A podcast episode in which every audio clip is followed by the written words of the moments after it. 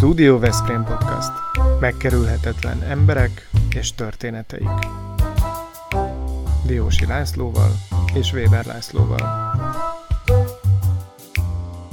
Mi tényleg a valóságról beszélgetünk.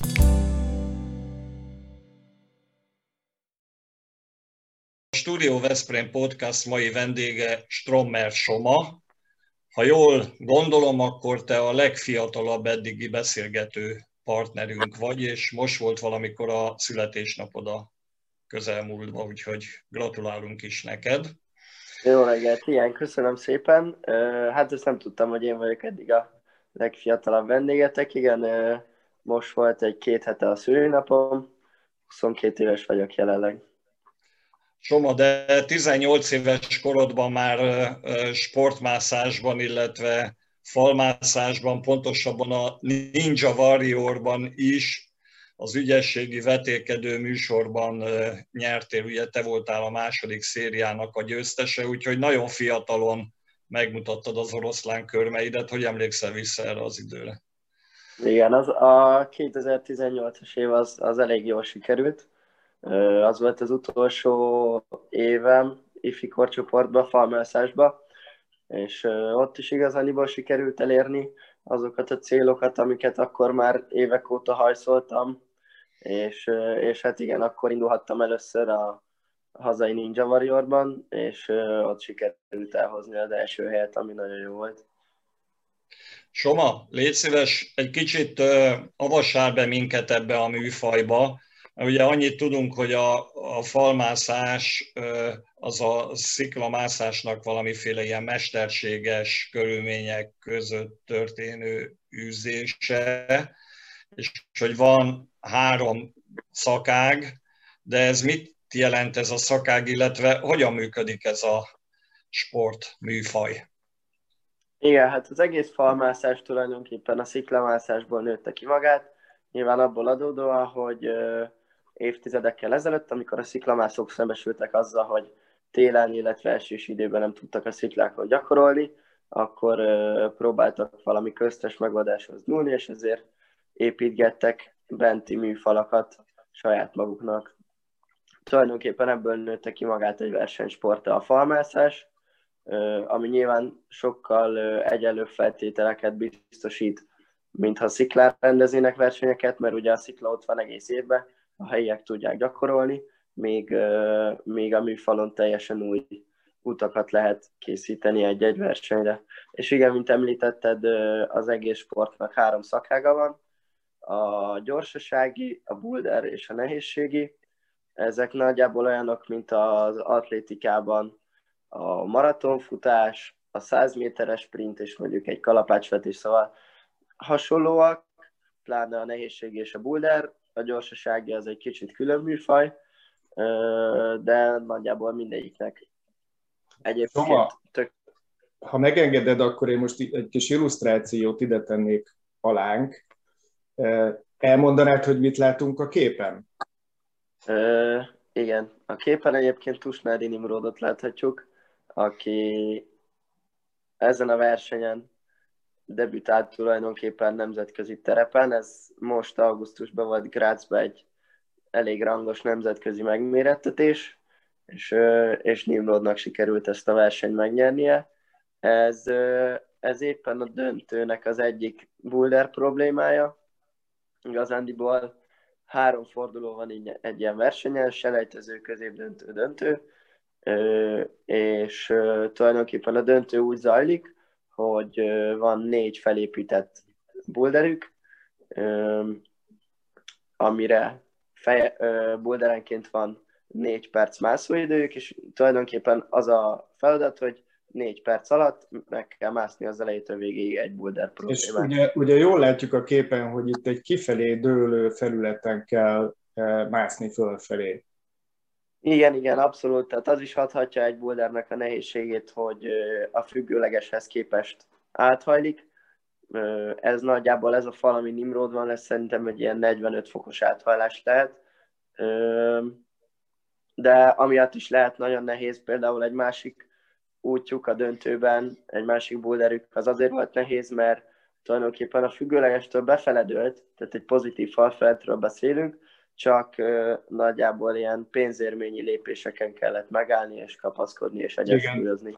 Annyit még mondjunk erről a képről, aztán el is veszem, hogy ha jól látjuk, akkor itt párosan mászik egy fiú és egy lány. Ez jellemző rátok erre a, erre a sportágra? Közösen másztok? A, a döntőre nagyon jellemző ez a felosztás, és szerintem ez egy nagyon jó felosztás is, illetve tök látványos, hogy ugye egy boulder problémára szólítják ki, visszafele történő sorrendben a versenyzőket, tehát a hatodiknak bejutott kezd, neki van négy perc, aztán 5-4-3-2, és így mennek végig.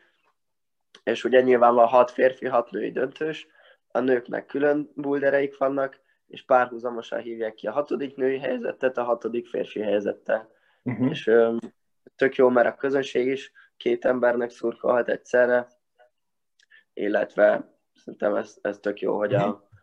férfi-női egyenlőséget is ez valamennyire tükrözi. Igen. Mik voltak a, azok az eredmények, amelyekben a legjobb voltál a ifjúságiba, meg felnőttbe eddig? Vagy mire vagy a legbüszkébb? Igen, hát a leg, amire a legbüszkébb vagyok, az nekem a 2018-as évben volt egy versenyeredmény.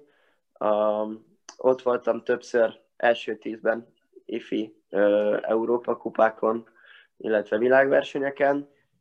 Egyébként hatodik helyezés volt a legjobb, amit sikerült elérnem.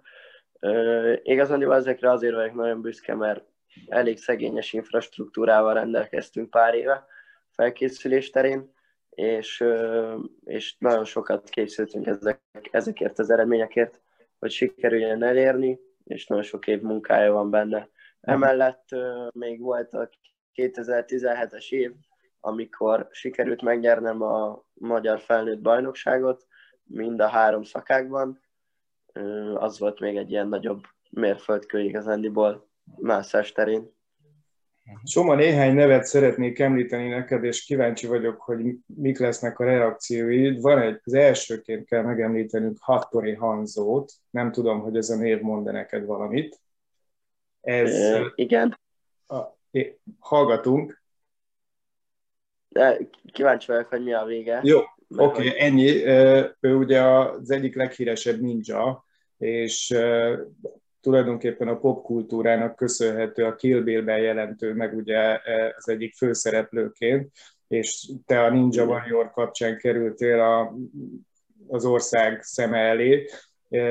Te hogy látod, hogy ez a műsor ez segítette a te sportágodnak? Mennyiben, mennyiben tudtatok látványosan megjelenni, mert ugye a mászók nagyon jól szerepelnek ebben a műsorban.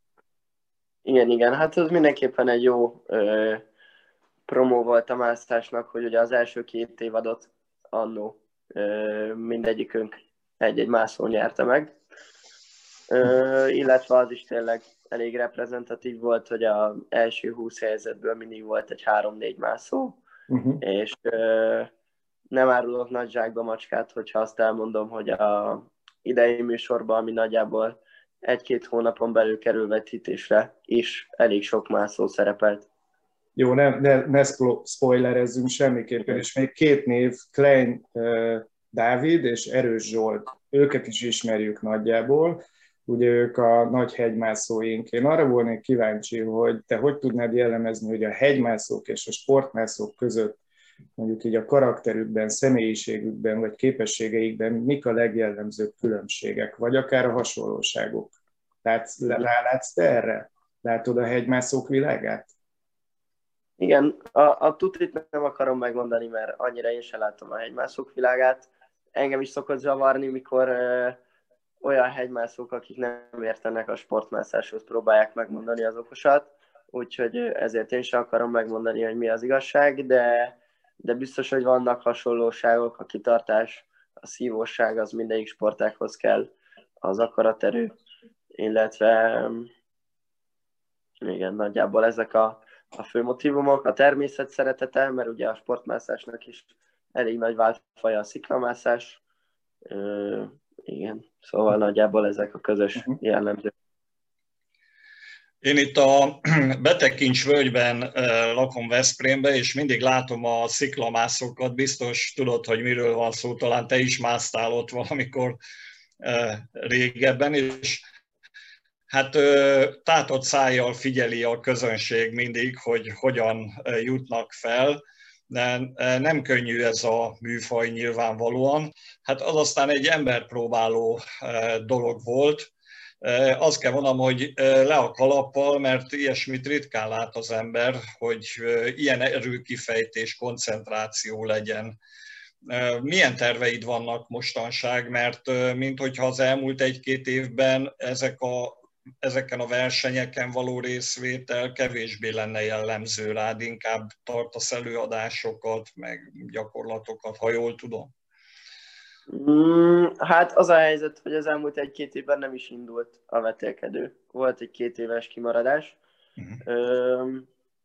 De egyébként igen, most már három éve, sőt majdnem négy, elkezdtem edzőként is tevékenykedni, és most már egész sok kis versenyzőm van, illetve hála az égnek lassan kapok szerepet a ifi válogatott edzőjeként is, aminek nagyon örülök úgyhogy ebbe is próbálok kibontakozni, de emellett egyébként igyekszem még aktívan versenyezni, még, még egy-két évet mindenképpen próbálok végiggyűrni.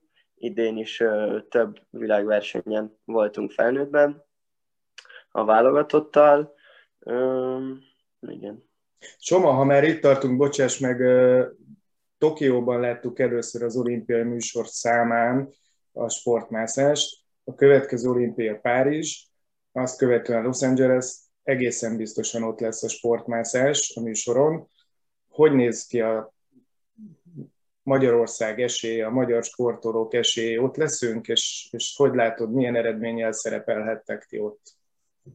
Igen, ez ugye egy necces kérdés, mert elég szűkös volt a kvóta az idei évre, ugye 20 férfi, 20 nő juthatott ki, és ez nagyjából már két évvel ezelőtt ki lett osztva mindegyik kvóta, illetve a kvóták nagy része, úgyhogy idén nem sikerült magyar sportolót delegálnunk, ami egyébként abszolút nem volt meglepő, de most jelenleg van több, több tehetségünk is, aki, aki tulajdonképpen három éven belül nagyon, nagyon odaérhet, úgyhogy igazándiból izgatottan várjuk a következő éveket, mert, mert bővül a kvótaszám is, ugye külön veszik a szakágokat, most már a gyorsaságit először Párizsba külön veszik a másik kettőtől, aztán Los Angelesben már mind a három szakák külön fog szerepelni. Úgyhogy igen, szerintem azt kell, hogy mondjam, hogy a következő két olimpián legalábbis valamelyikén elég valószínű, hogy lesz magyar sportoló, akinek szintvalható. Szóval mielőtt valaki kézlegyintéssel elintézné a falmászást, azért az nem kis dolog, hogy mondjuk a surf, meg a gördeszka, meg a, a karate mellett a Tokiói olimpián ugye szerepelt a falmászás, és ez most egy nagyon komoly lehetőséget jelent az olimpiai versenyzés során, még hogyha nem is lesz egyszerű ugye oda kvótát szerezni. A műsorunkban olyanokkal beszélgetünk, akiknek a mi régiónkhoz van kapcsolódása köze, és te ugye bár Veszprémben a Padányiban tanultál, utána meg a Lovasiban tanultam. Lovasiban. Igen, de a Padányiban jártam edzeni. Oda jártál edzeni, a Lovasiba jártál, ami nem olyan rossz iskola, mint tudjuk, ugye? és Nagyvázsonyba meg laktatok, ugye? Vagy laktok még mindig, ha bár te most Pesten vagy már, és tanulsz. Hol tanulsz? Én a Corvinus Egyetemen tanulok, gazdálkodástudományt, és igen, most már egy-két éve nyilván kisebb-nagyobb megszakításokkal a vírushelyzet miatt, de Budapesten élek. De azért Veszprémhez gondolom kötnek szép emlékek és élmények az ifjúkorodon. Igen, abszolút. Szerintem Veszprém egy, egy nagyon-nagyon jó hely. Tényleg egy tökélhető város. Jó a hangulat, jó emlékek kötnek oda.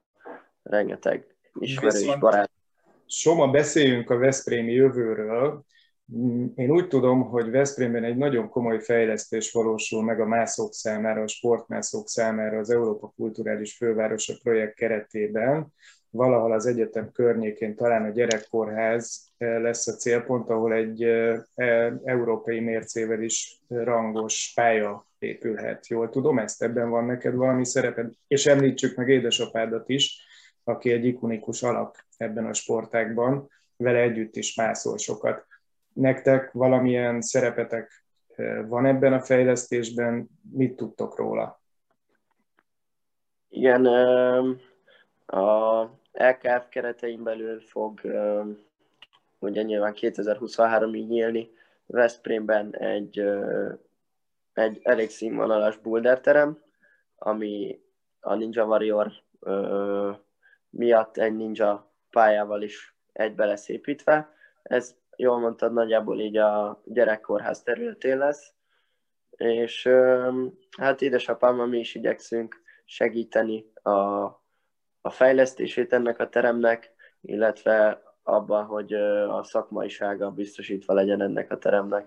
Tehát mi igyekszünk a saját tudásunkkal segíteni abban, hogy ez a terem megfelelő színvonalon működhessen. És esetleg ebben neked az üzemeltetésben, edzések tartásában lehet szereped a későbbiekben? Hogy látod ezt? Visszatérsz még Veszprémbe?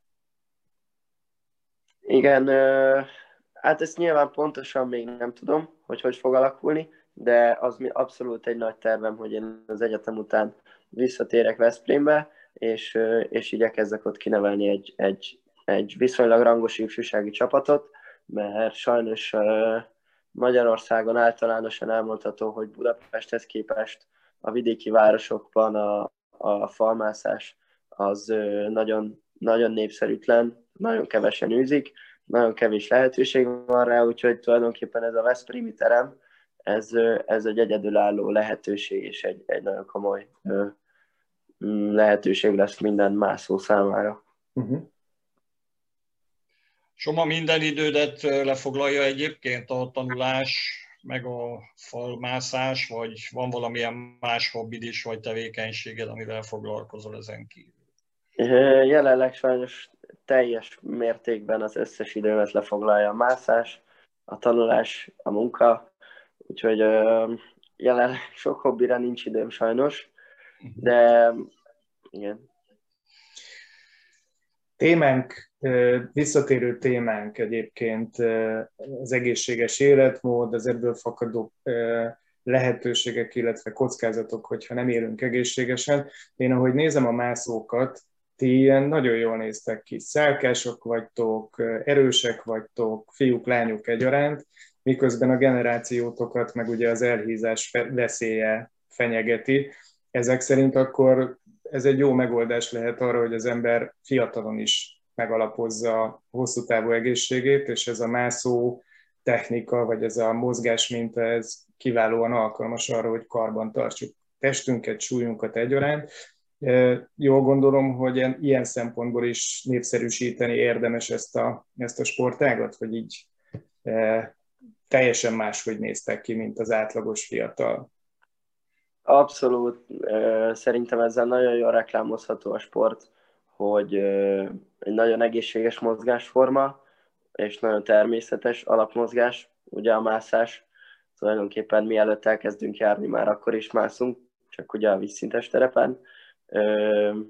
Sokszor szokták egyébként gerinc problémásoknak ajánlani a mászást uh-huh. gyógytorna gyanánt, illetve igen, nagyon jól karban tartja egy egész testes edzés biztosít tulajdonképpen annak, aki eljön mászni. Úgyhogy tényleg ezzel is nagyon lehet reklámozni, én csak nagyon, nagyon tudom ajánlani mindenkinek, aki gondolkodik ezen. Ha, ha Laci egyszer kedvet kapna, és nem csak nézni szeretné, nem csak csodálni, hanem ő maga is a csoda részévé válni, akkor mit gondolsz, ezt megtehetjük mi idősebbek is, hogy elkezdjünk ezzel a sporttal foglalkozni, vagy ez, ez a vonat elment? Nem, abszolút nem ment el. Nagyon jó ebbe a sportágban szintén az, amit egyébként szeretnék is megemlíteni, hogy, hogy nem csak a versenyzői vonal van, hát sziklát is lehet mászni, nagyon sok mindent ki lehet próbálni a mászáson belül, illetve tényleg bármilyen szinten lehet űzni. Ha valaki abszolút kezdőként szeretné elkezdeni, akkor is meg tudja tenni azt, hogy lemegy egy terembe, egy kezdőedzésre, és, és a saját szintjén megpróbálja azt, amit tud, és, és ebbe is tudja örömét lelni. Tehát, hogy szerintem mindenkinek, aki tudásszintől és edzettségi szintől függetlenül letér egy mászóterembe, annak lesz sikerélménye. Uh-huh. Jó, akkor lógunk egyet a szeren szerintem mi is még. Jó. Jó. Beszélgetéseink során mindig sor kerül arra is, hogy megkérdezzük partnerünket, hogy ő milyen könyvet ajánlana, akár szakkönyvet, akár szép irodalmat. Te mit ajánlanál nekünk és a kedves nézőinknek, hallgatóinknak? Nekem egyik kedvenc könyvem, amit nagyon sokszor elolvastam, és motivációt tudtam meríteni belőle, az Andrea Agassi-nak a Open című könyve. Ő egy ugye nagyon híres teniszező volt, a világ egyik valahelyet legjobbja, és ez neki egy önéletrajzi könyve, amiben nem, nem szakmai dolgokról ír feltétlenül, hanem a, a saját életéről, nehézségekről, megpróbáltatásokról, és arról, hogy ezekből hogyan tudod kilábalni. Szerintem egy nagyon érdekes és jó olvasmány tulajdonképpen bárki számára, aki komoly dolgokat szeretne elérni abban, amit éppen végez. Soma, köszönjük szépen a veled folytatott beszélgetést. Minél több iránymutatást adjál azért fiatalok, a fiataloknak, időseknek is. Szeretném elmondani a műsorunkban, hogy a Patronus Klubunk támogatásával jött létre ez az epizód is, amelyben a Somával történő beszélgetést látták, hallották. Köszönjük a Royal Kertnek, a Nyugalomnak, az Assixnak, a Prospektusnak, a Kuti és Fiának, a Ringnek, a Bramaknak, a Vitokingnek és a Targonca Trade-nek. Az ő segítségükkel színes és változatos műsorokat tudunk készíteni. Köszönjük szépen, és további sportsikereket és jó eredményt kívánunk neked a jövőben. Lássunk minél többet Veszprémben. Köszönöm szépen a meghívást, és minden jót nektek is. Sziasztok! Szia, Soma! Szia, hello, hello! Ez a Studio Veszprém műsora volt. Hallgasson ránk minden pénteken!